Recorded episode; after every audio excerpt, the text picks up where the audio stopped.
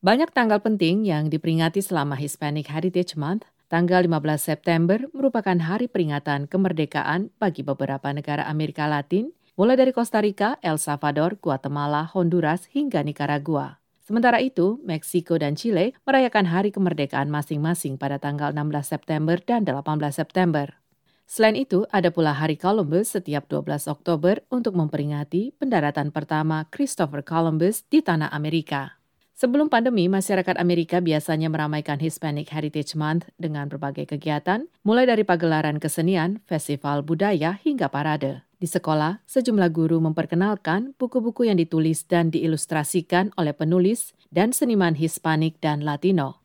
Kaula muda juga antusias mengajak teman dan keluarga menikmati makanan dan minuman seperti taco, empanada, mole, paella, margarita, dan mojito sambil menikmati musik dan lagu-lagu Latino. Agustina Lumban Gaul yang tinggal di Austin, Texas, bersuamikan keturunan campuran Hispanik dan Vietnam. Pada Hispanic Heritage Month kali ini, ia merayakannya bersama komunitas tersebut di gerejanya dengan berbagai macam makanan khas Hispanik. Ada beberapa hal yang menurutnya mirip dengan apa yang ia temukan di Indonesia. Misalnya cita rasa pedas, kostum, tari-tarian, dan kekerabatan dalam budaya Latino yang seperti orang Indonesia juga. Alexander Rianto menikah dengan perempuan Mixteca, Oaxaquena, salah satu suku asli Meksiko. Ia sudah bermukim di Meksiko selama tujuh tahun dan telah dua kali mengikuti perayaan Bulan Warisan Budaya Hispanik di Amerika Serikat. Kepada VOA, pria keturunan Jawa yang memiliki seorang putra berusia empat tahun itu mengungkapkan sejumlah kemiripan dengan orang Indonesia dalam hal masih melekatnya budaya asal mereka ke mana pun mereka pergi. Misalnya, orang Jawa dengan gamelannya orang Bali dengan tari-tariannya, atau orang Minang dengan masakan Padangnya. Jadi orang Hispanik juga begitu. Kalau yang merasa modern mereka akan membawa mariachinya.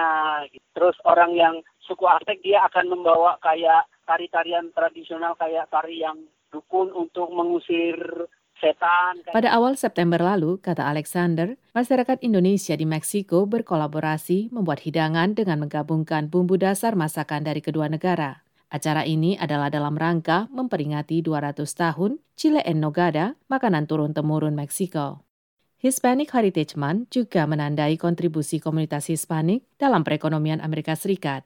Menurut Pew Research Center, ada 62,1 juta orang keturunan Hispanik di Amerika pada tahun 2020, naik dari 40,4 juta pada tahun 2010. California, Texas, dan Florida merupakan tiga negara bagian yang mengalami peningkatan populasi lebih dari satu juta orang keturunan Hispanik selama 10 tahun terakhir. Peran komunitas multiras itu signifikan dalam dunia pekerjaan. Mereka antara lain bekerja di ladang-ladang pertanian, jelas Hana Pangestu, diaspora Indonesia di Austin, Texas.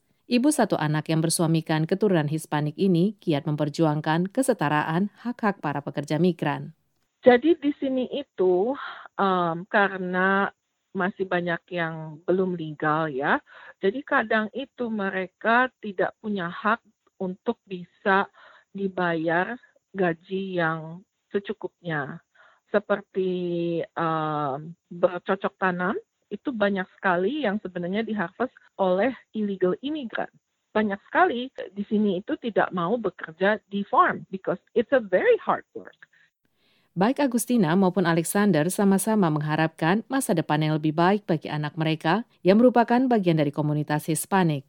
Kita cuma berharap anak itu lebih sukses dari orang tuanya. Supaya anak itu pasti akan memilih masa depannya sendiri, kita hanya bisa mendukung. Agustina tidak ingin mengikuti jejak sebagian keluarga Hispanik yang tidak menanamkan budaya Hispanik terlalu dalam pada anak-anak mereka karena takut mereka tidak bisa membaur dengan orang Amerika. Agustina berupaya agar putranya yang berusia 4 tahun tidak menyesal seperti ayahnya yang tidak dapat berbahasa Spanyol maupun Vietnam. Jadi saya minta kepada keluarga suami saya ini yang Hispaniknya, saya bilang kalau bisa tolong maksudnya anak saya walaupun mungkin masih kecil ya, tapi uh, apa yang menurut kamu dari sisi Hispanik kamu tolong ajarkan ke anak saya. Hana Pangestu yang kini mampu memasak hidangan tomales sesuai resep keluarga dan arahan mertuanya berharap dapat memperjuangkan kesetaraan hak pekerja migran dan akses untuk mencoblos dalam pemilu bagi anggota komunitas Hispanik yang telah menjadi warga negara di Amerika Serikat.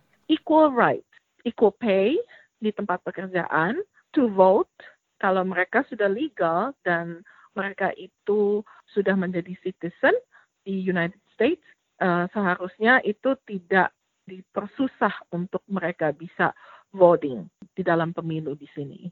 Peringatan itu diawali pada tahun 1968 sebagai Pekan Warisan Hispanik pada masa kepresidenan Lyndon Johnson. Presiden Ronald Reagan kemudian memperluasnya menjadi 30 hari pada tahun 1988. Hispanic Heritage Month ditetapkan berdasarkan undang-undang yang disahkan pada tanggal 17 Agustus 1988.